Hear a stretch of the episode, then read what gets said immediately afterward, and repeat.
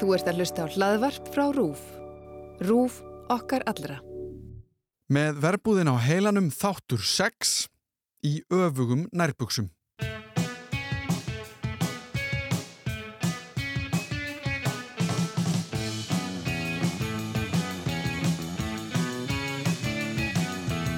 Hæ, ég er íslensk. Nú kan bara segja hæ. Ef það er bara mikið af málum sem er ekki verið að tala um og ekki verið að vinna með.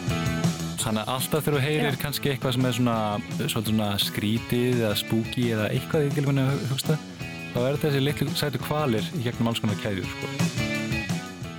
Árið er 1989 og bjór er loksins löglegur á Íslandi. Eftir skandalinn í Hemmagunn hitast Harpa og Grímur til að reyna sættast sem fer ekki betur en svo að Grímur missi stjórn á sér. Þau upplifa sig bæði sem fornalömp eftir hlýðaskref á báða bóa og sáttarfundurinn fer út um þúfur. Grímur sækir um skilnað sem Harpa neytar þó að skrifa undir. Í bænum er Smári komin til vinnu á Rúf þar sem gengur erfilega fyrir hann að koma sínum málum á dagskrá. Eitthvað segir manni þó að hann sé ekki tilbúin að sleppa tökunum á því sem hann telur að sé mikilvægast að fjalla um. En það er ekki bara hjónabandið og framtíð þess sem heldur hörpu upptekinni, heldur þarf að hugað útgerðinni líka. Eftir samtal þar sem Jón upplýsir hörpu um að líklegast sé kvótin að fara að breytast og verða framseljanlegur, ákveður hún að senda Freytisi og Einar í næsta sjávarþorp til að kaupa smerri báta út. Í bæin mætir Gunnar sem er fulltrúi útgerðar fyrir norðan með tilbóðum að kaupa af þeim útgerðina fyrir stórar fjárhæðir, eitthvað sem Harpa tekur ekki málað íhuga einu sinni. Meðan Grímur er á leiðin í land ákveður Harpa að sættast með romantískum kvöldverði en áður en að honum kemur mætir Jón í bæin. Hann vil sættast við Grím, bjarga fyrirtækinu og vináttunni á samt framtíð allra.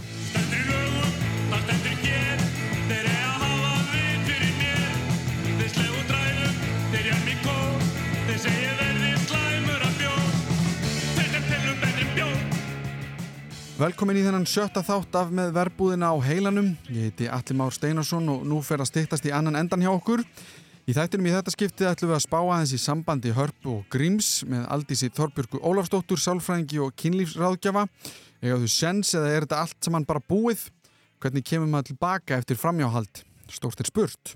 En áður við vöðum í það ætlum við að ræða aðeins tónlistina í verbúðinni. Ég fekk til mín tónskáld þáttana, þau Herdísi og Kjartan og við fórum yfir hvernig það er að búa til tónlist fyrir kvikmynd og sjónvarp á samt því að kafa dýbra í hljóðheim verbúðarinnar. Við byrjum á kynningu frá viðmælendunum sjálfum. Kjartan Hólmynd ég, starfa sem tónlistamæður og tónskáld og er að gera tónlistina við verbúðuna, aðsand Herðis Stefansdóttur. Hef gaman að. Herdi Stefansdóttir, tónlistarkona, tónskáld. Búin að vinna mikið, við erum góði vinnir síðan fyrir nokkrum árum síðan og ég byrjaði að gera, eða svona fyrsta bíómyndi sem ég gerði var 2018. Þá gerði ég fyrstu tvær bíómyndirnar og þannig svona sogaðist ég inn í þetta og hef eiginlega ekki gert neitt annað síðan. Og sko áður en við förum bara inn í verbúðina Mm að þá langar mig til þess að byrja ekki alveg á byrjun heldur á þessu hér þau sem að horfa mikið á kvikmyndir hlust og tónlist hafa áhuga öllu þessu í hugum einhverja hefur verið draumur margra, þar meðal mín að vera tónskáld fyrir kvikmyndir af því að það virkar sem svo ótrúlega feit vinna. Maður hugsa um Hans Zimmer, maður hugsa um bara öll episku skorin sem maður hefur heyrt í hérna tíðina. Og ég segi Hans Zimmer að því að það er eiginlega fyrsta nafni sem ég man -hmm, eftir sem svona einhver stórstjarnar í þessum bransa. Hvernig kemst maður inn í það að semja tónlist fyrir kvikmyndir. Hvernig þetta bara í hennan lukubót, ég ætla að orða þetta þannig. Sko, já, þetta er alveg einmitt margir sem vilja gera þetta og sérstaklega núna í COVID-tímum þá er náttúrulega bara margir tónlistamenn og tónlistakonur sem hafa kannski verið, þú veist, með hljómsveitur og gera annað, þú veist, þetta er orðið svona mjög eftirsótt af því þetta er geggi vinna því leita, þú getur verið hvar sem er í heiminum. Ég meina, ég hef til dæmis unnið mestmægnis í bandaríkjunum án þess að vera í bandaríkjunum og jafnvel ekki hitt fólki sem ég vunni með, nefnum bara gegnum Zoom Mín leiðin í þetta var í raun og veru að ég tók master í tónsmiðum með svona áherslu á kvikmynda tónlist út í New York og byrjaði að gera, þú veist, stuttmyndir og eitthvað þannig en var alltaf í hljómsveit og að gera mín einn tónlist. Það var að Jóhann Jóhanns kom og var að tala sérst, á síningu, það verið að sína Theory of Everything bara rétt eftir að hann fekk óskastilnöfningu og þá segi kennari minn, heyrðu það er einn þessi íslenski gaur sem er að gera óksla flotta hluti, vilt ekki, þú ert íslensk vilt ekki, vilt ekki koma að segja hæfi þannig ég er, uh, jú, ok. En típist íslenskt eitthvað, herðu, þjómut íslendingur, hún er íslendingur, viljið þið ekki hittast, Já, eru pottitt vinir. Nákvæmlega, algjörlega. Og eitthvað svona mjög vandræðilegt ég var eitthvað svona mjög feimin og sérst, eftir síningun og því er ég er íslensk. Og hann eitthvað, já, ok, geggja og ég var sérst að leia með Dóri Jóhans sem er sérst var frænka Jóhans og jörundi leikara ég spyr Dóri, þá mann ég, veist, ég var eitthvað 25 ára og ég var eitthvað, hérna, já, ég var eitthvað að pæla, Jóhann er frekar nettur, ég fíla ekki þetta sem hann er að gera, þú veist, og hann er í Berlín og mér langar svo að vera þar eitthvað, heldur hann gæti þurft aðstöðumann. Þannig að Dóra sendir sérst mail og kynnir okkur. Mhm. og ég spyr Jóhann eitthvað svona, já, vantar er hérna aðstöðukonu og hann bara, nei, eitthvað, ég hef aldrei verið með neitt til aðstöðu með áður eitthvað, hérna, en að að og veist, og hann bara, ég verði bandið, þú veist, að við þarf eitthvað og svo nokkru mánuði setna að þá er ég á leiðinu til Berlínar. Og þá sendi ég á Jóhann eitthvað hæ, ég er að koma til Úsla Óþúlandi típa eitthvað, hæ, ég er að koma, langar að heita í kaffi.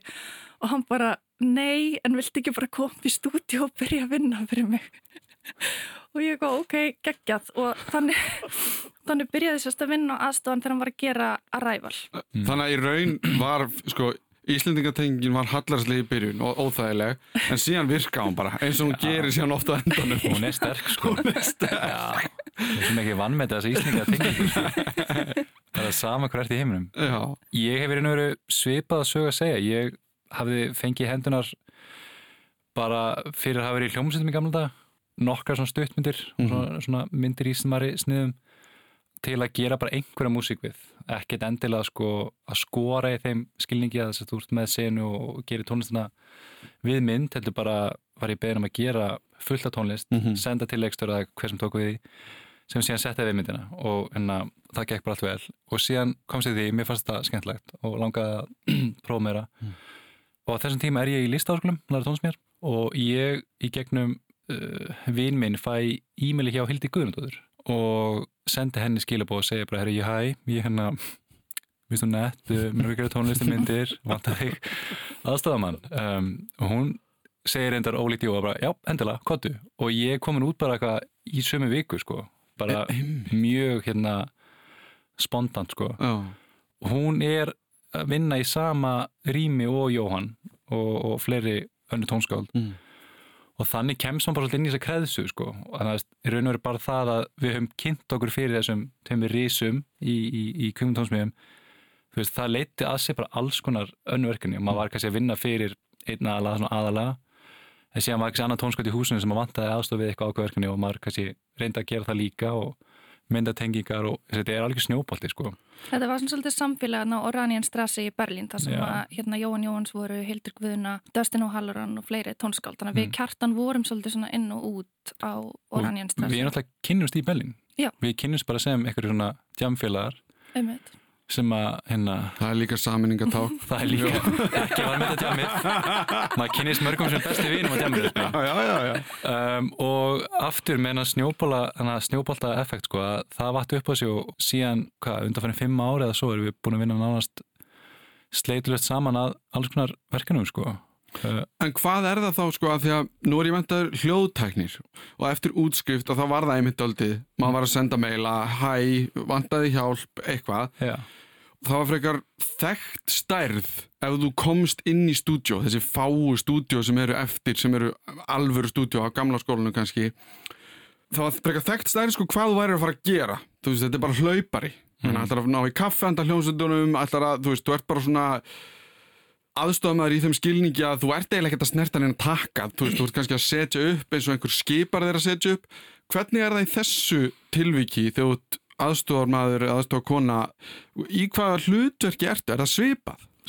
Er- þið er svolítið eftir. Já, það er veist, Já. ég var til dæmis svo lélugur aðstofamæður eða aðstofakona ég átti einhvern veginn ekki framtíðina fyrir mér í þessu og ég manni, þú veist, bara svona herfilega mistök, ég mun aldrei gleymi þessu bara eitthvað daginn fyrir aðfangadag, þá var Jóhann að senda þess að sinfonísku tökurnar fyrir að ræfali yfir til Orchestrators og hann vinnur í Cubase, þú veist, allir í mismunandi forritum, ég er Ableton og Logic, kunningin eitt á Cubase og sagði þetta, ég kynni það og þetta er bara svona mjög teknilegt tal en ég basically, þú veist, bánsaði eins og maður segir stemmunum út í 44,1 en ekki 48 þannig voru allir í meðsmundið tóntun Mm. og svo bara aðfangadag þá ringi Jóhann eitthvað hæ, þetta er mjög slæmt. Þú veist, þannig að maður, svona, maður þarf að læra af reynslinu og, og svo mann ég með þetta aftur svona mjög áhugavert spjallu en það sem spyrir mig bara, þú veist, hvað langar þið eiginlega að gera, þú veist, Mhm. en það var búið að vera svolítið svona, Sé, svona Hvað á smá- ég að gera við smá þig? svona bumpy road hjá okkur veist því ég var einhvern veginn svona, svolítið svona spaced out og, en var samt alveg bara algjörlega að gera mitt besta. Og ég sagði bara, mér langar bara að geta unni við að, að gera tónlist. Veist, ég var að vinna á kaffihúsi ég var að fara á vertið í eigin þú veist, að pakka fiski og gera alls konar hana og hann sagði við mig sem ég gleym aldrei, hann sagði sagði eiginlega við mig undir rós bara hætt að vinna fyrir mig og gerði tónlist. Og þá hætti ég hjá Jóhanni og gerði plötu og fór svolítið svona út úr þessu. Þetta snýst svo mikið, heimi snýst svo mikið um sambund og þekka fólk, en ég fekk í raun og veru fyrstu, fyrsta bíómyndir sem ég fekk var stór Warner Brothers MGM mynd sem var í raun og veru gegnum tengsli, gegnum þetta community af því að þar kynnist ég agenti sem er að representa til dæmis Hildi, Hildi Guðnadóttur og Dustin og Halloran og þá var ég bara með svona námsmanna portfóljó búin að gera einhverja litla stuttmyndir á engum penning og þetta portfóljó kemst inn á borð hjá Warner Brothers og það er leikstjóri sem að heyrir þetta. Og ég býst aldrei vinninu svari og svo gerist það allt í einu bara hálfa ári eftir að þetta ríl fer inn til þeirra að agentin minn fær símtal frá Warner Brothers bara hérna tónskaldið Herdi Stefansdóttir er hún laus á morgun fyrir þessa mynd hjá Warner Brothers. Mhm. og ég held náttúrulega hring tíma að hún væri að fokk í mig, þú veist, ég held að þetta væri bara djók. Eins og öll svona stóru símtöl eiginlega. Já. Já, já. Þú veist, ég bara trúði ekki að þetta var að gerast. Þannig að þú veist, en svona leiðin inn í þetta, þú veist, eru þetta, þú veist, að með því að aðstofa fólk og læra af þeim sem er að gera þetta, að þá náttúrulega kynnist maður fólki og þetta snýst rosalega mikið um það, bara að kynnast fólki og vera vera næs og svo einhvern tíma var ég, í tökum út á landi og þá sagði pródusent við mig eftir allan tíman uh, allir þú ert svo skemmtilegur. Það er miklu betra að vera með skemmtilegan hljóðmann en þann besta bara 100% og ég veit ekki hvort þetta var svona öfugt, einhvern veginn öfugt móðgun, rós, eitthvað en ég tók því sko, en það var einmitt nákvæmlega þetta sko, að tengja við auðvitað, ég meina þú veist, ef fólki finnst þú skemmtilega, skemmtilegur Já. þá er það bara, ég er frekar til að vinna með Já, þessum aðeila nákvæmlega, þó maður gerir mistök og sé einmitt ekki svo besti eða svo besta í bransanum Nei, að ég þú meina, veist, maður er alltaf að læra og það er líka svo mikilvægt eins og Herti segir að sko, maður þarf alltaf að vera með svona nafnspjaldirinn að vera, maður þarf alltaf að vera að búa, vera að búa til tónlist, það þýr ekkert að vera bara að sitja heima á sér og senda e-mail og vona einhver pikki upp, þú Mhm. þarf að hafa eitthvað bak við nafnið sko. Þannig að það sem maður gerir svo oft er líka er þú veist að búa til svona reels eða showreels sem er svona samasapna af því sem þú vilt presentera fyrir kannski viðkomandi. Það getur tekið margar, margar tilhörna að fá einhver aðtikli eða eitthvað. Mm. en ef þú ert alltaf að búa til eitthvað eins og þú fegst núna frábæra seríu í fyrra sem heitir Why the Last Man og það var einfallega bara því að þú varst búin að þú varst með möppu af efni sem að en hérna einmitt svona hafði í raun og verið þetta var svona apocalypse heimsenda seria Mhm. með svona mjög stóru skori og ég hafði ekkert gert neitt í þeim anda áður. En þú veist, Mhm. það var einmitt bara þá var það bara hvað Music Supervisor sem að já, var á þeirri seríu sem að heyrt tónlistina og fílaði hana. Og það var svo, hvað, svo kona sem að potaði þeirri músík áfram sem að var já til þess að þú baksagan er og verið að ég demóði fyrir mynd sem heitir Promising Young Woman sem kom út hérna, fekk hana Óskars tilnefningu held ég að BAFTA eða eitthvað. einmitt. og var ekki ráðin í verkefni og þá var ég ekki múin að vera með vinni í marga mánuði og var á mega bömmur alveg, shit. Mhm, svo fekk það tónskáld BAFTA tilnefningu ég eitthvað svona, fuck. Mhm. eitthvað þetta var alveg, þú veist, maður er alveg bara svona fyrir bömmur og maður er að pitcha og maður er að demo og þetta er harður heimur og erfitt Promising Young Woman, hún myndi eftir mér. Árið setna, ég man eftir þessari stelpu, ég fílaði það sem hún gerði sendum það inn fyrir þessa seri og þannig fæ ég það verkefni. Þú veist, þannig að maður veitir verið aldrei hvernig svona tengsl leiðamann leiðamann Nei, áfram. og þetta er líka mjög fyndið svo uh, talandi um að vera sko svona, svona sletti, likeable. Mhm. Að ég hef sjálfur átt bara mörg samtölu við svo kallar agenda þessum að reyna að sjá um að koma þér í, í kvikmyndakikkin og nú er ég ekki að segja ég sé skemmtilegur ég, það er ekki pointið mér að sögu en, þú er samt smá að segja. En ég er líka mjög undir skemmtileg rós er ég að segja það.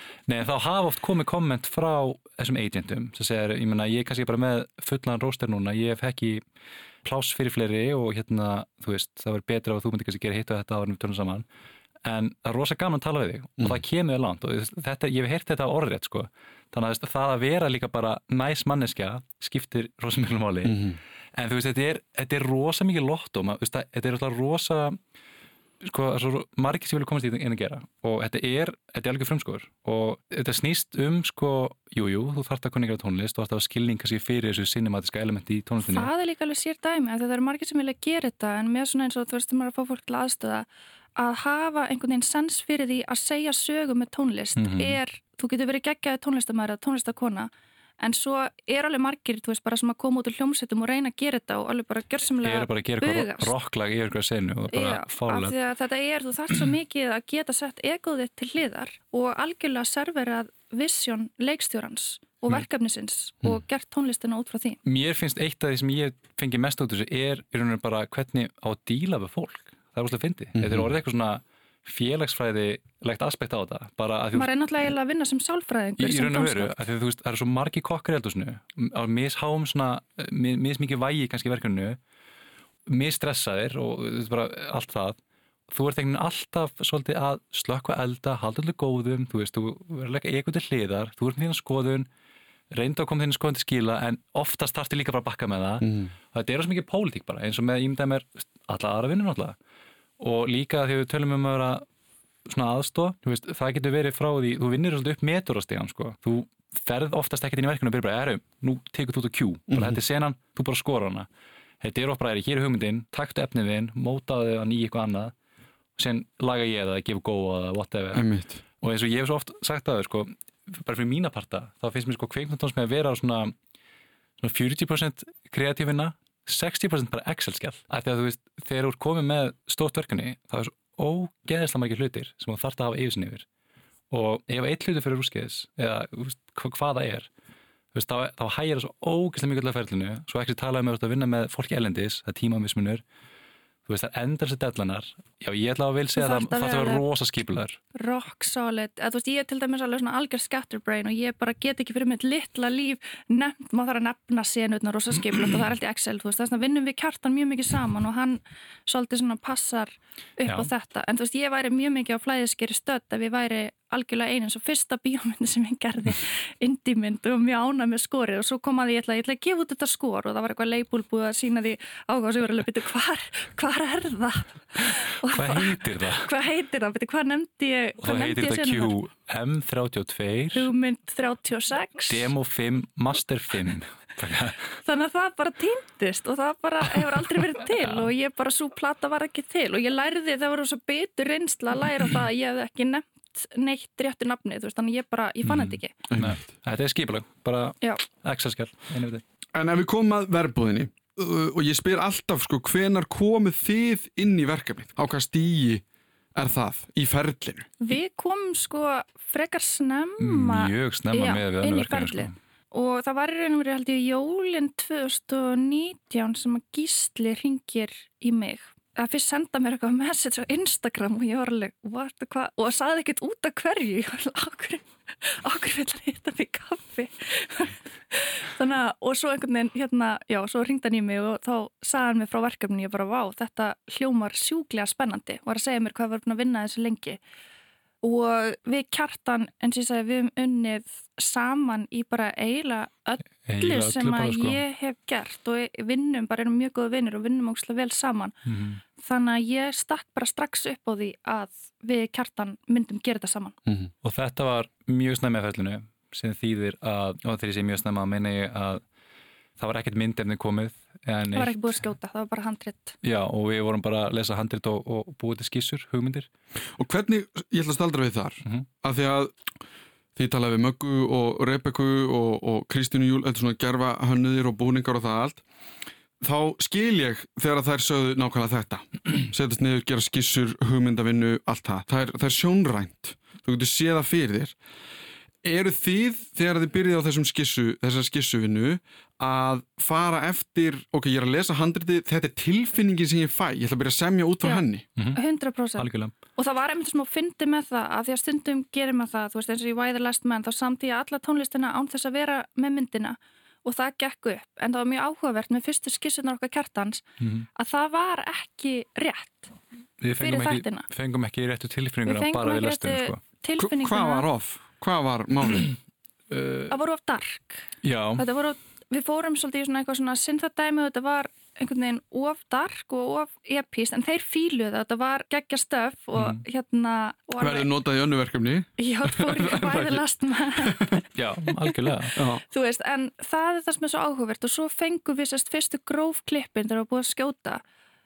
Þá kollvarpaði það svolítið svona hugmyndunum sem að við höfðum um tónlistina við áttuðum okkur líka á því og það var eitthvað sem við þurftum líka að finna út með gíslu og hlinni að það var í raun og verið, þú veist, hvaða er mikill húmor í þáttunum. Og þeir eru marglaga, þeir eru ekki bara drama og þeir eru ekki bara einhvern veginn heavy handed heldur, þú veist, það eru miklu fleiri, fleiri hliðar, þannig að Þetta er svo mikil ópera sko, eins og við tölum um, þú veist, þetta er svo marga sögur í gangið samtíma sem fléttast inn í hver aðra og það er svo margar, það er svo margir lítir í gangi, ef þú vilt kalla það, mm. veist, það er þetta, myrka, drungalega element sem að er og svona svolítið rauð þráin gennum þættina eftir að hyggja, en það er líka svo mikið komík og það er alltaf mikið romantík líka. Og þú veist, þetta er voða sjaldan aðskilið, þú ert svo mikið að stökka bara milli heima bara svona.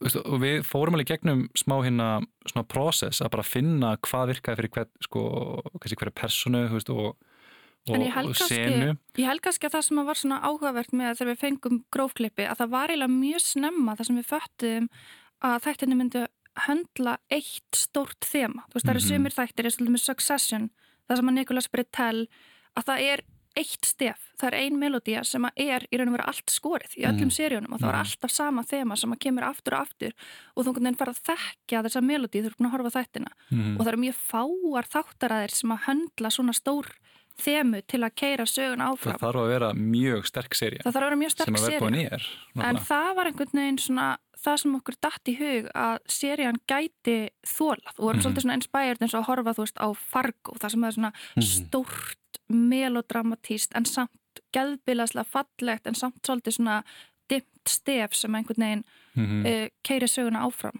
og það kom rosa snemma að við í raun og veru byggum til þetta verbúða þema sem að, bara, sem að skori byggist á ég meina öll okkar tónlist byggist meir og minna á þessu eina þema í alls konar variðisnum Mm. sem að við séðan sem var ógslag gaman að leika, leika sér með líka að þú veist að þetta er náttúrulega ákveðin ákveðin svona þólun að, að hafa bara eitt, eitt lagstúf eitt hljómagang og eina tóntegund. Stundum var ég bara Já. góður, við erum ekki búin að breyta um tóntegund. Nei. það er kom, komin 200 lög. Nei, en það einhvern veginn kemur ekki að sög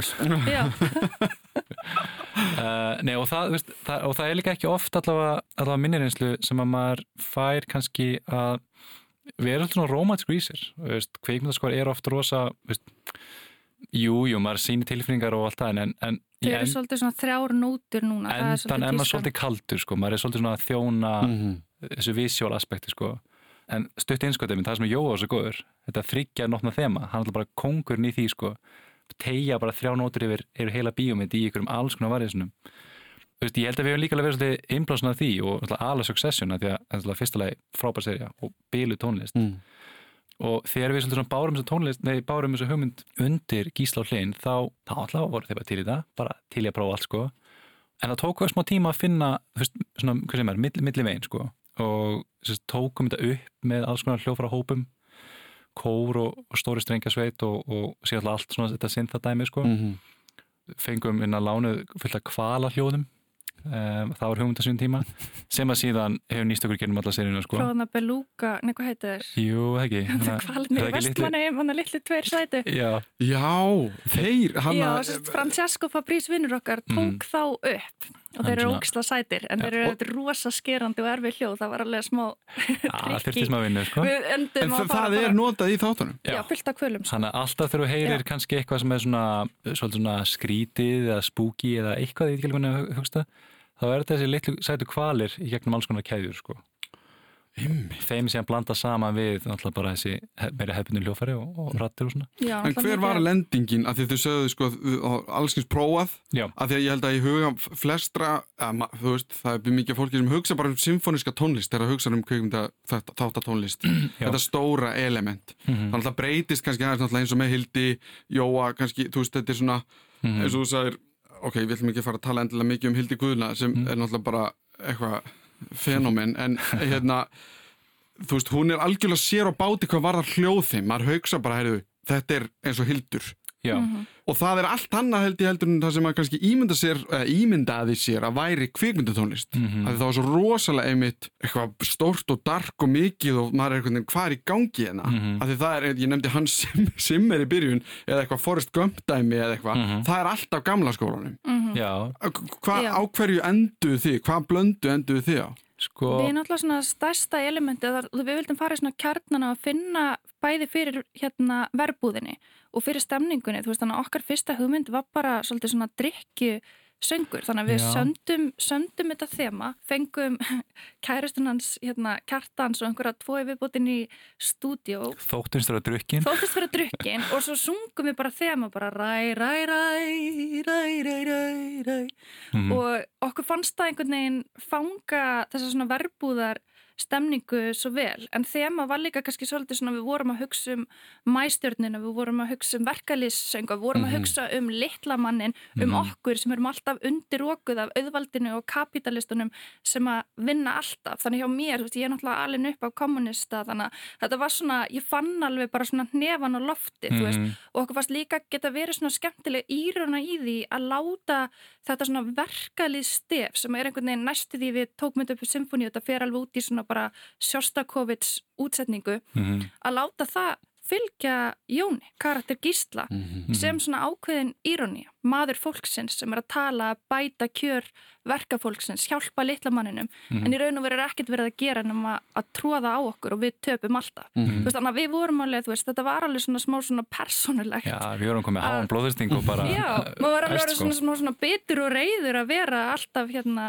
já, við upplifum okkur svona tónskáld, sko, bara fáta ekki listamenn við erum litli maðurinn, sko. Einmitt. þannig að þetta var persónulegt stef fyrir okkur öll. og líka eins og við lífibröð okkar hertisar er svolítið að, að reyna svona, að gera tónlist sem að sko er svona, svona skrítin eða svona í vissum skilningi. Svo þegar maður fer í tökur með stóru strengilhjósið þá allavega, svo ég tala fyrir mig þá heiti ég eiginlega mestan tími er að gera eitthvað sem að hljómar svona mörkunum og verið gott og ekki sko. Mm. að það einhvern veginn hefur hjálp- hjálpað mér í minni kvikmynda músík sko. En þarna var þetta enga við þannig, við bara fórum inn í, inn í hérna, ég við fórum ekkert, við vorum á sófanum heima með mér og stjórnum upptökunum í Ungurlandi bara yfir Zoom og þá var hugmyndi bara, nú förum bara í hérna verkalýðsönguna, bara romantíkina bara straight forward, fallega lush músík sko. Þetta er líka það, þetta hefur verið svo lítið í tíska sem vorum að tala um gamla skólan og maður bara fyrir John Williams, eða farið, þú veist, 80s og 90s myndirnar og þá eru þessu svona stóru íbyrðamiklu þemi með svakalegum melodíum og einhverju sem er að módulerst í gegnum tóntöfundir. Þú veist, þetta hefur verið svolítið svona einhvern veginn ekki mikið síðustu svona 5-6 árin af því að það er einhvern veginn miklu meira svona contemporary vibe í tónsmíðum og svolítið svona sem að kemur um með Jóhanni og svo Hildi Guðna að það hefur bara einfallega ekki verið hvorki plásni í tísku að vera með svona stórar dramatískar hérna melodíur þannig að okkur fannst svo geðvikt að geta leitað í þann arf fyrir þessa serju af því hún höndlaði það. Og þú veist hafandi gert mörg verkefni þar sem er bara svona ok, það er bara pláss fyrir eitthvað ógeðslega minimal hérna en í verbúðinu þá gáttum við svolítið farið alla leið Og þetta er líka áhvert að því að uh, í verbunni er rosa mikil díalógur, það er mikið tal og þetta er uh, mjög flókið uh, flókin hlut, hluti sem er að tala um. Veist, þetta er þetta blessaða kvótakeri sem engin veit neitt um. Mm. og eftir að unni þess að seri allan tíma þá er ég litlu nær, þetta er bara það flókið dæmi. Og það er rosa trikki að að reyna að koma sínum hugmyndum framfæri og, og styðja við myndina eins vel maður getur á meðan þú ert að keppa við svona mikinn díalóg. Og það var líka mjög svona ákveðin, hvað sem er, mikið svona ákveðin challenge í vissu skilningi. En með þessu, hvað þú kalla, með þessu svona fallega þema, þessu rómanska þema sem er ekki að stinga mikið stúa við endilega allt þitt ég held að það hafa endan hjálpar svo mikið við að, að sko íta undir tilfinninguna sem að hver karakter er að segja hverju sinni sko. og veist, þetta er náttúrulega bara þetta er bara svo vel gert hjá þeim, þetta er bara svo gaman að hugst til þess hvað þetta var einhvern veginn margslungi ferli og einhvern veginn öll skemmtilegu mistökin sem bara við vitum af, þú veist, í, í byrjun og hvað þetta er núna, það er alveg bara þetta er heimin að hafa á milli En hvað með þá að þið nefndu 200 lög eða eitthvað áðan? Mm, í það minnsta. Í það minnsta? Já, já, já, að því að sko Gunni Árna sem var hjá mér í síðasta þætti ég spurði hann aðeins út í tónlistina. Þa, þessi spurning er í raun í tveimur pörtum. Það er í fyrsta lagi, hann sagði bara ég fæ stemman að bara senda. Ok, er það það sem þið sendi frá ykkur og segi þetta er mín hugmynd, okkar hugmynd og þau ákveða síðan í hvaða mæli þau nota þá tónlist skiljið Nei, hvert ég er að fara. Það er ákveðið fyrirfram. Það er bara ákveðið, já, já, já. Þú veist þannig að við erum þá í raun og veru búin að setja tónlist við þáttinn og þegar það er komið að fara í mix þá er það allt ákveðið. Það, það er einhver breytt Nei, í nei. mixinu. Ok, Mhm. að því ég fór bara alltaf inn að pæla Nei, heyrðu, höfum hana bara alveg eitthvað þöggla. Eða eitthvað hvort það sé einhver ákvörðin sem er tekin síðan eftir það. Já, það er yfir- yfirleitt ferli sem að fer í gang þú veist, aðeins á undan og kannski það sem er ólíkt þessu með við, þú veist, margar þú veist, bandarískar productionir að við fengið mikið frels í raun og veru við að ákveða hvar gæti verið tónlist. Og svo auðvitað er það samtal við gíslu og hlinn líka, bara nei okkur fyrst vanta þarna og þarna, Mhm. af því yfirleitt í erlendum verkefnum að þá fær maður oft sendan þátt til sín eða mynd og þá er búið að setja tónlist undir og oft tónlist eftir önnur tónskald sem að getur verið mjög erfitt, þá búið að svona kallast að tempa þáttin Mhm. með einhverju öðru en við fáum í raun og veru grófklipp og fáum alltaf þættina með engri tónlist og svo fyrir við í gegn og reynum að finna Mhm. hvar þarf að segja, hvar þarf að íta undir, hvar þarf að segja meiri sögu. Þannig að við bara rauninu fengið auðan þátt uh, og tekið það sem að er kallað spotfundir Já, þar sem við förum bara yfir hvað þátt fyrir sig með gísla og hlinni og þeir eru náttúrulega loðs okkur gerum þáttinn bara með hvar yfir á tónlist, hvers konar og svo framvegis Mhm. Við skrifum það bara hjá okkur, síðan förum við í vinnuna og gerum það, sendum síðan tilbaka og síðan er það smá díalogur fram og tilbaka. Og síðan þegar það er komið samþykja og allt þá er það þessu komið til gunna. Að ég hugsaði bara allt í hennu um myndina Forgetting Sarah Marshall. Já.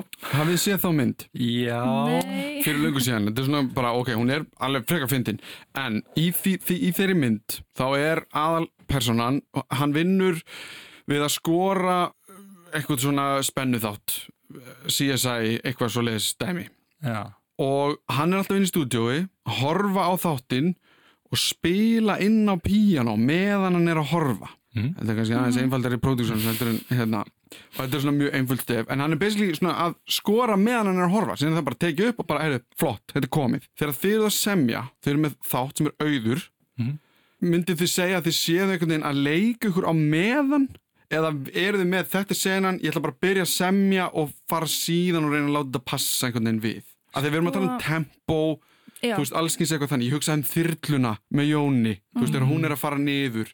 Það er allt svona, því ég tala um tempo líka við Kristján Klippara. Mhm. Mhm. Hvað notar þess að hraða á sinunni, hæja á henni gera hana dramatískari, allt þetta Mhm. hvernig, Algjörlega. hvernig, hvernig er það svona bara í, ef við förum í alveg í bara kjarnan á þeirri vinnu sko það er oft þannig að Já. þú ert með myndina, að þú veist það bæði úr skilur, stundum eins og við unnum þetta náttúrulega þannig að við vorum búin að semja þeim og semja alveg slatta tónlist án þess að vera við mynd en svo eru bara sumar senur þess eðlis að þú þart að fara inn í hana og þú þart svolítið svona þú veist, þú horfir á hana visually og þú þart svolítið að með instinkti að átta þig á púlsinum í senunni. Þannig að þú ertu svona svolítið að finna BPM, þannig að þú ert bara svona rúlin í gegn í forröndinniðinu taktinn bara. Já, þú setur BPM-ið, setur taktinn svo byrjar það kannski að spila og gera, gera einhverja skissu og svo náttúrulega eins og þessir þætti fyrir unnir að þá vorum við komin svo snemma inn að þáttu eftir að klippa þannig að þá vorum við að senda tónlist á Krissa sem byrjar svo að klippa við tónlist eftir okkur Mhm. og svo kannski hraðast senan þá þarf meira tempo í tónlistina þá kannski að gera eitthvað nýtt þannig að þetta er svolítið svona fram og tilbaka sko. Já, algjörlega. Þú ert kannski að horfa á eina senu í klukkutíma tvo, bara að koma að staði og náttúrulega miserfið að sjálfsögðu og ég meina við ætla að vinna þetta allir á sinn hátt sko en, en meina, ég held að þessi rétt hjá mér að segja að þú vinnir mikið bara með píanuð, þú ert að horfa mikið á senu og finna áfram þar en Ég er eins og gaurin í Forget, nei ég er eins og hérna, gaurin í The Holiday, hérna Jack Black ok, ég hef ekki séð hana þannig að við erum núna komin á já, Það var óksla fyndið, þá var hann að vinna sem eitthvað svona Hollywood tónskáld og með eitthvað svona einn míti kontróler að setja eitthvað svona óksla væmi píanustil Mm. undir. það er basically eins og. Já. en við erum alltaf vorum komið snemmi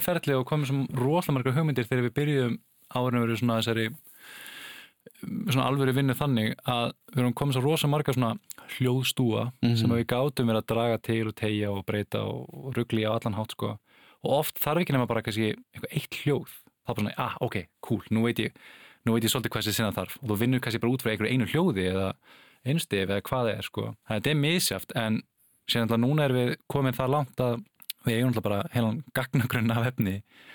Og þá er það svo mikið, það er svo gaman þú ert með senum fram að þig og þú veist, þú ert bara með mörg terabæta af efni Mm. sem þú getur bara leikið með að, að draga inn og prófa og sem spilar yfir það og þeir veist, þetta er svolítið svo Lego sko. þú þarfst að byggja eitthvað ákveð og að bara finna eitthvað sniða leiði til að gera það, það getur marga leiði til þess, getur marga útkomur alltaf en ég veit ekki, ég persónulega spila ekki mikið inn yfir senur ég vinn mig oftast út frá einhverjum skonar hljóðheimi og síðan þegar kemur að setja þetta melodiska element eða harmoniska element inn í þetta að þá kemur það eftir á. Ég veit ekki alveg hvernig ferlið að herdis er.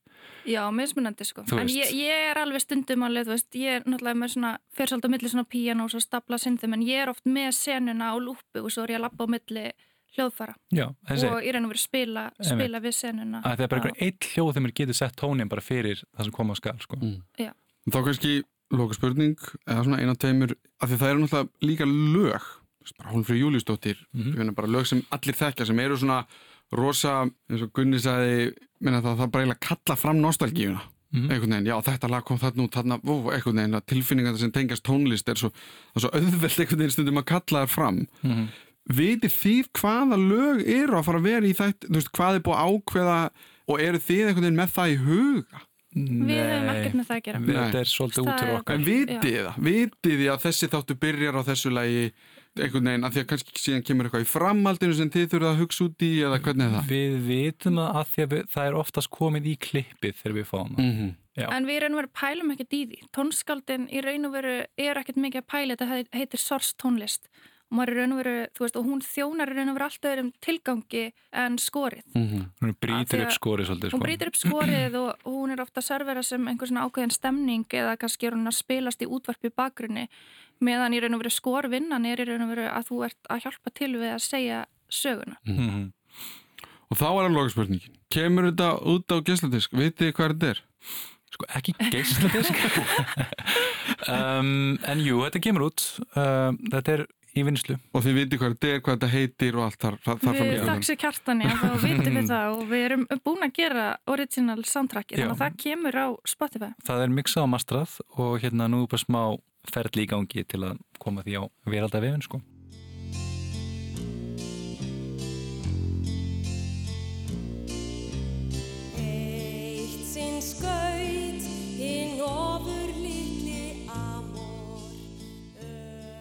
Aldís Þorbjörg Ólastóttir heiti ég og ég er sálfræðingur og kynlýságjafi.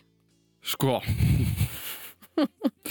Sko í þættinum sem við erum búin að horfa þá er búin að koma upp að þau eru búin að vera að halda framhjá. Sko það er náttúrulega ekki komið á hreint alveg sko nákvæmlega, maður veit ekki alveg sko hvort að Björnlinur veit nákvæmlega allt sem er í gangi og það er alveg kannski þá sem þátturinn snýst um. En mér langar pínu til að byrja bara á byrjun, par, hjónaband allt þetta og það kemur upp framhjáhald það er bara það sem gerist hvað er fyrst veist, hvað, hvað gerist síðan Einmitt. Það er bara náttúrulega mjög misjamt hvað gerist.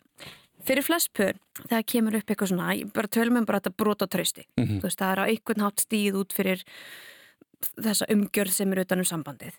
Að það kemur yfirlega þess að við sjáum í þáttunum eitthvað svona upplaust. Mhm. Það er eitthvað ósætti, það þarf, það þarf að ræða málin, þetta er eitthvað neginn, það er eitthvað sem er búið að vera undir niðri sem kemur allt inn á yfirborðið.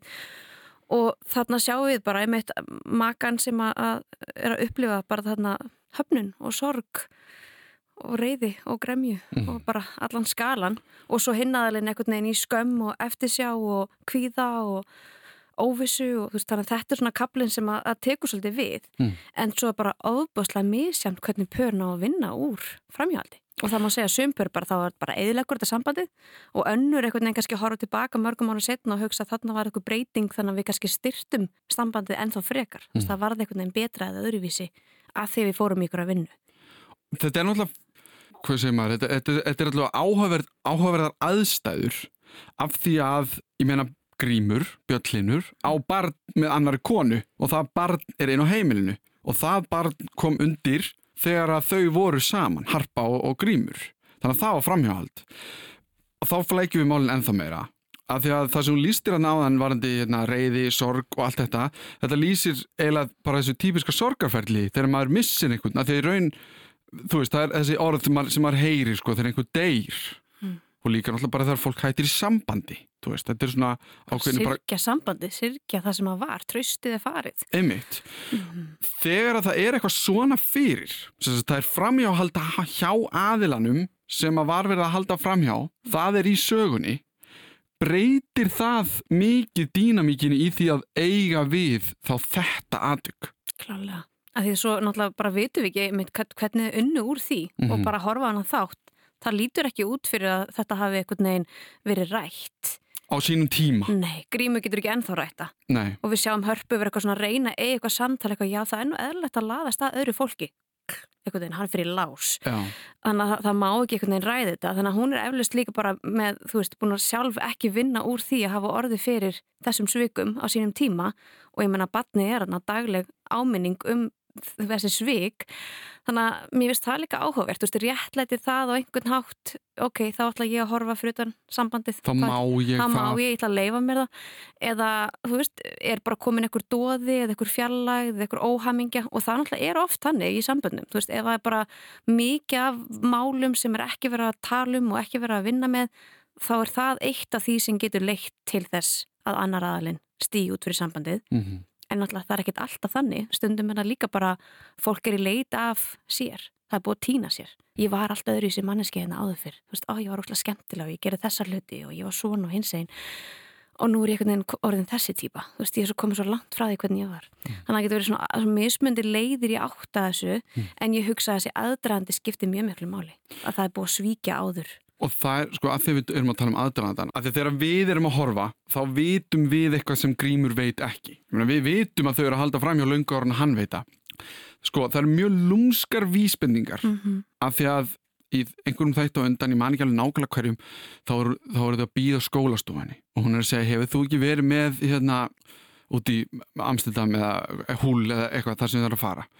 Það er eins og hún sé með samvinskupitt og hún sé að reyna að setja það upp þannig að ef hún veit að nappar hann eða lætur hann viðurkenna eitthvað að þá réttlætir það eitthvað aðeins meira hennar hegðun Mhm.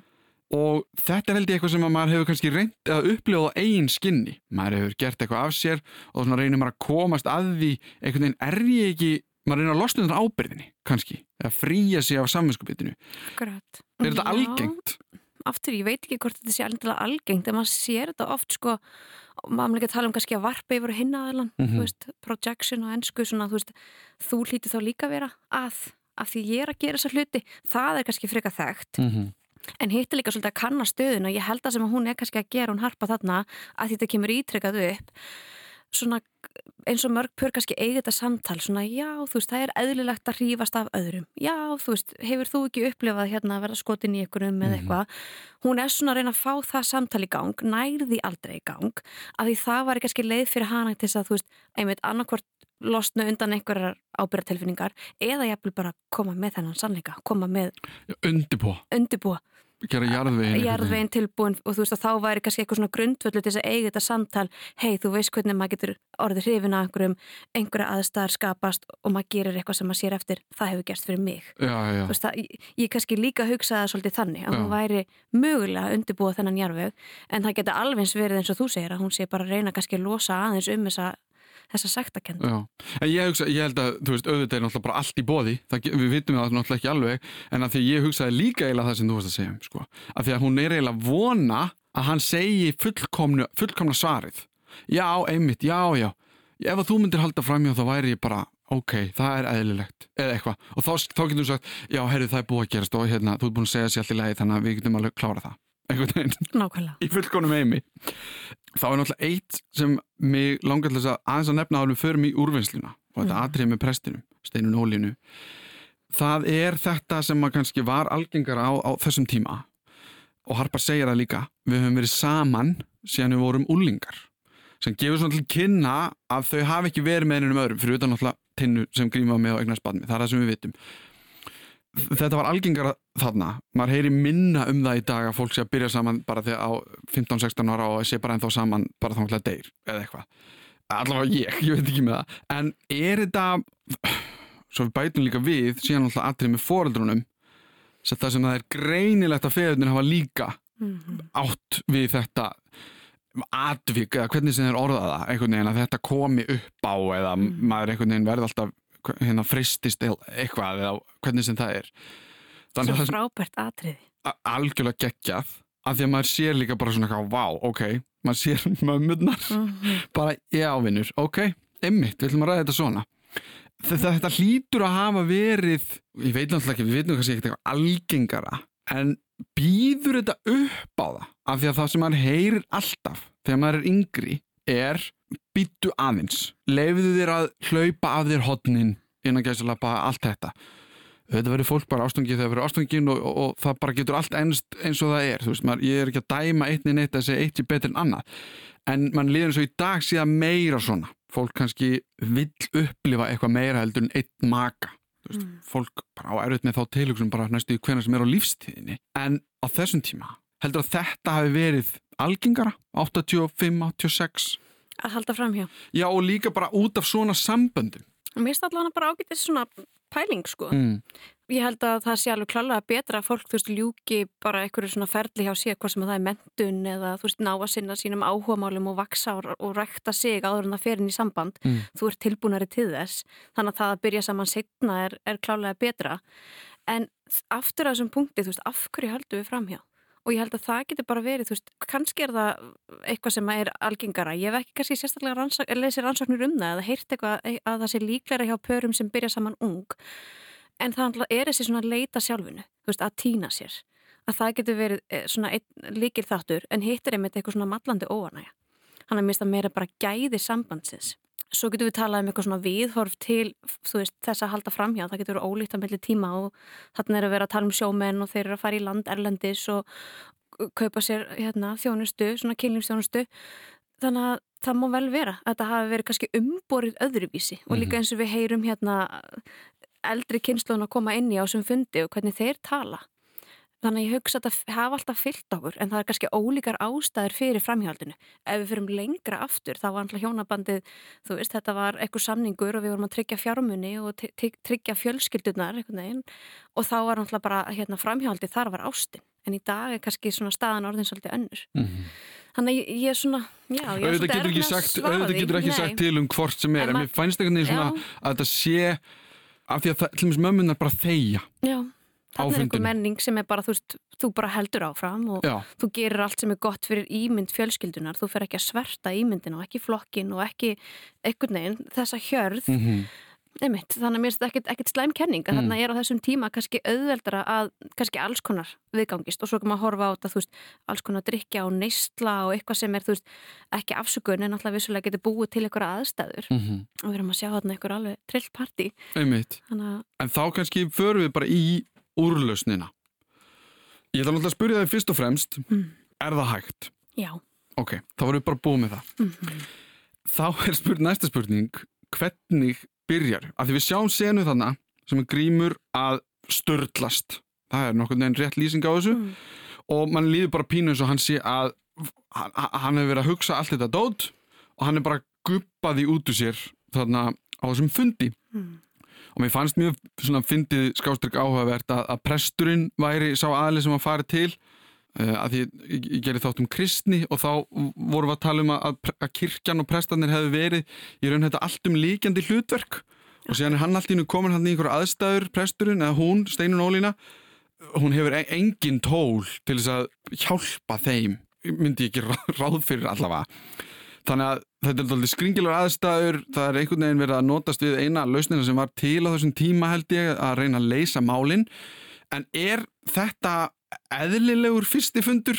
Þú veist, hvernig, að því nú hefur hlýtur að hafa verið í svona aðstæðum. Í fyrsta lagi að fá fólk til þess að koma aftur saman fara á fund, reyna að leysa málin.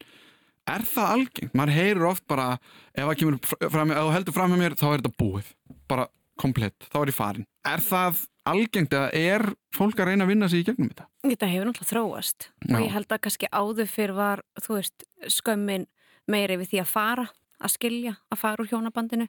Í dag er skömmin meira að vera. Þú veist, fólk upplifur oft svona meiri skömmi í tengslum við það að kjósa að fara ekki. Bara ekki láta koma svona fram við þig Já, eitthvað, já, akkurat. En það, er, þú veist, fyrir sum pör þá er þetta bara endurlökin. Það er, það er ekki hægt að koma tilbaka. mm Það er bara búið að brjóta eitthvað sem að því finnst aldrei vera hægt að setja saman aftur.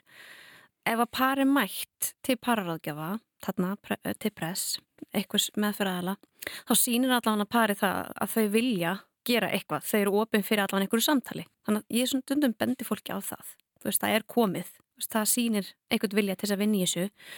En í upphafið náttúrulega er bara að þú ert með krísu ástand. Þá er þetta bara ákveðin krísustjórnun. Þú ert bara að reyna að, þú veist, það þarf að fá að hleypa hlutum út og ræða þá, en náttúrulega ekki kannski á þennan hátt eins og grímur leifi bara reyðin að taka yfir. En er það ekki, nú spyr ég, nú er ég hérna, devil's advocate hérna.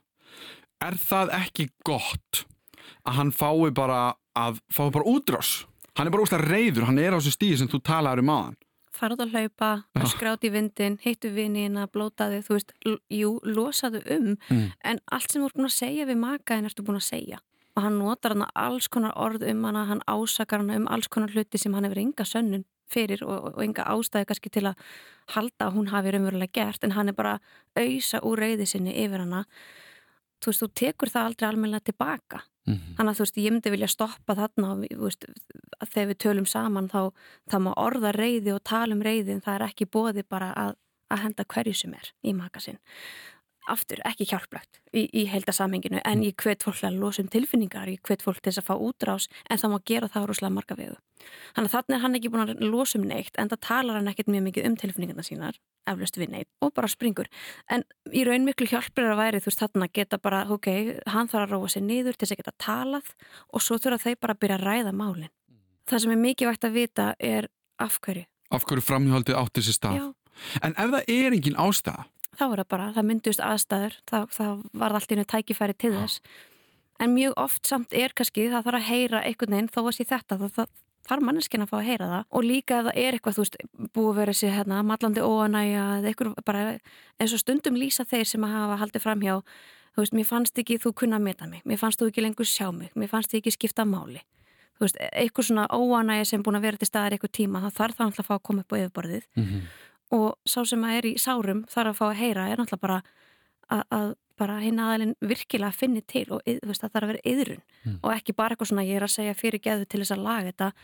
Veist, ég skil að ég hafi sært þig. Ég finn, finn það og ég veist, bara þykir fyrir því. Mhm. bara, og bara það sé sagt mjög skýrt að manneskjan hérna, sjáu eftir því. Og það er þessi svona hluti sem að kannski fólk nefnir oftast. Ég vil bara að það sé hlustað á mig þá þetta aðalinn sem er í, er í sárum. Ég vil að þessi hlusta á mig, ég vil fá að tala ég vil fá að segja það sem er að koma upp hjá mér og ég vil virkilega finna að manneskjan sjá eftir því. Er framhjáhald merki um samband sem er ekki lægi ekkert endilega. Nei. af því það getur bara verið eitthvað aðstæðar sem allt í henni myndast. Eða þetta, þú veist, ég er hérna búin að týna mér og þá fyrir ég að leita mér fyrir utan sambandið. Finna einhverja manneski sem sér mig á nýjan hátt og, og það einhvern veginn býr til einhverja spennu sem að manneskjan bara heldur áfram að sækja. Mhm. um, þannig að það þarf ekki að vera. Að það sé eitthvað endilega mikið að sambandinu. Stundum vissulega er það. Þannig að vinnan er líka þá svolítið, þú veist, leiðu við vitum svolítið af hverju, þá getum við líka fara að vinna betur í því, þú veist eins og bara þetta, þú veist, er parið döglegt að styrkja sig í sikkur að lægi, að þú sért áfram í tengslum við bara hver þú ert og sinni þínum áhugamálum og, Mhm. og gerir það sem þú vil gera þó þú sért í sambandi og síðan náttúrulega hitt er bara að vinna úr þessum hlutum, þú veist að þarna getum við fara að tala um ákveðin tengsla milli aðila. Og ef það er eitthvað neginn hlutin eru ekki rættir, mér finnst þú ekki sjá mig, mér finnst þú ekki skipta máli það þarf að tekla það, hvað er það? Og þá þarf að báðir aðilar að byrja ábyrð ef það er eitthvað svona sem hefur verið til staðir í lengri tíma. Og þá kannski svona sko, þetta er náttúrulega spurning um tröst og, er spurning, og, það, þetta er spurning um að endur byggja eitthvað tröst oft mm allavega sem að einhver virðist hafa mist það er oft sagt að fólk sem heldur framhjá sé bara þannig fólk. Já, að þeir sem haldi framhjá einu sinni eða þau, þau muni gera það aftur. Sama hvað, heldur þetta sé satt?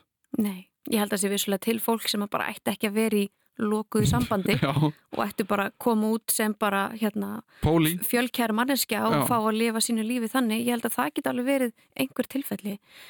En er alltaf, þú veist, þarna kemur aftur þetta tröstinu, þú veist, ok, þú- ert leið og einhver manneskja hefur sínt það að það er geta tröstinni, þá getum við aldrei tröstinni en ég meina, við vitum það þú ert ekki sama manneskja núna og varst fyrir sjö árum. Auðvitað getur fólk breyst og, og aðstæði geta breyst og þú veist, það er margt sem getur breyst í lífi fólks til eins betra. Mhm.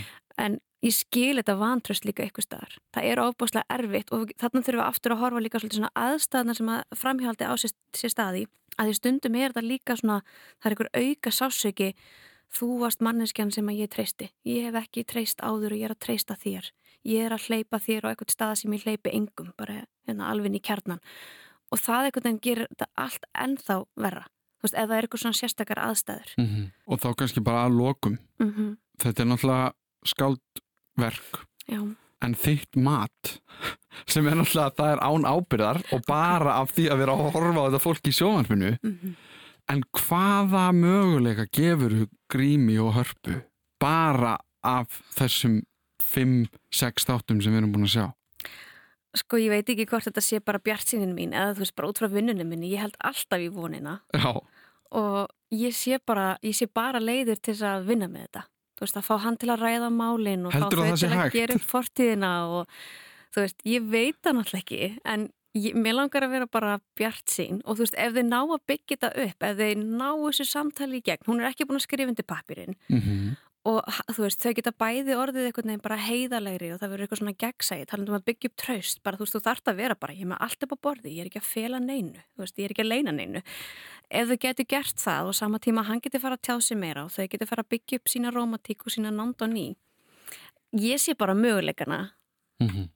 En Grímur og Jón loka skotið.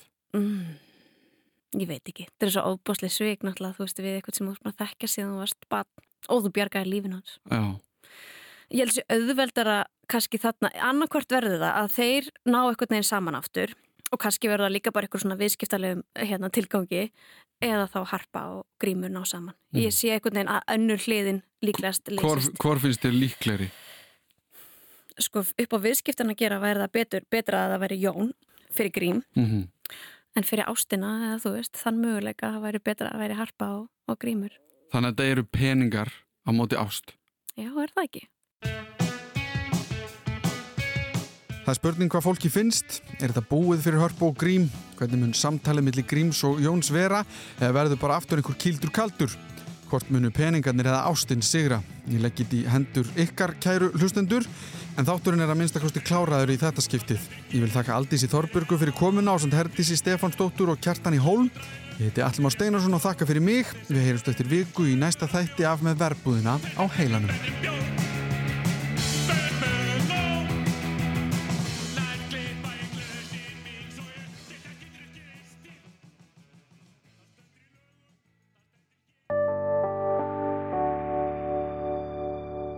Rúf okkar allra.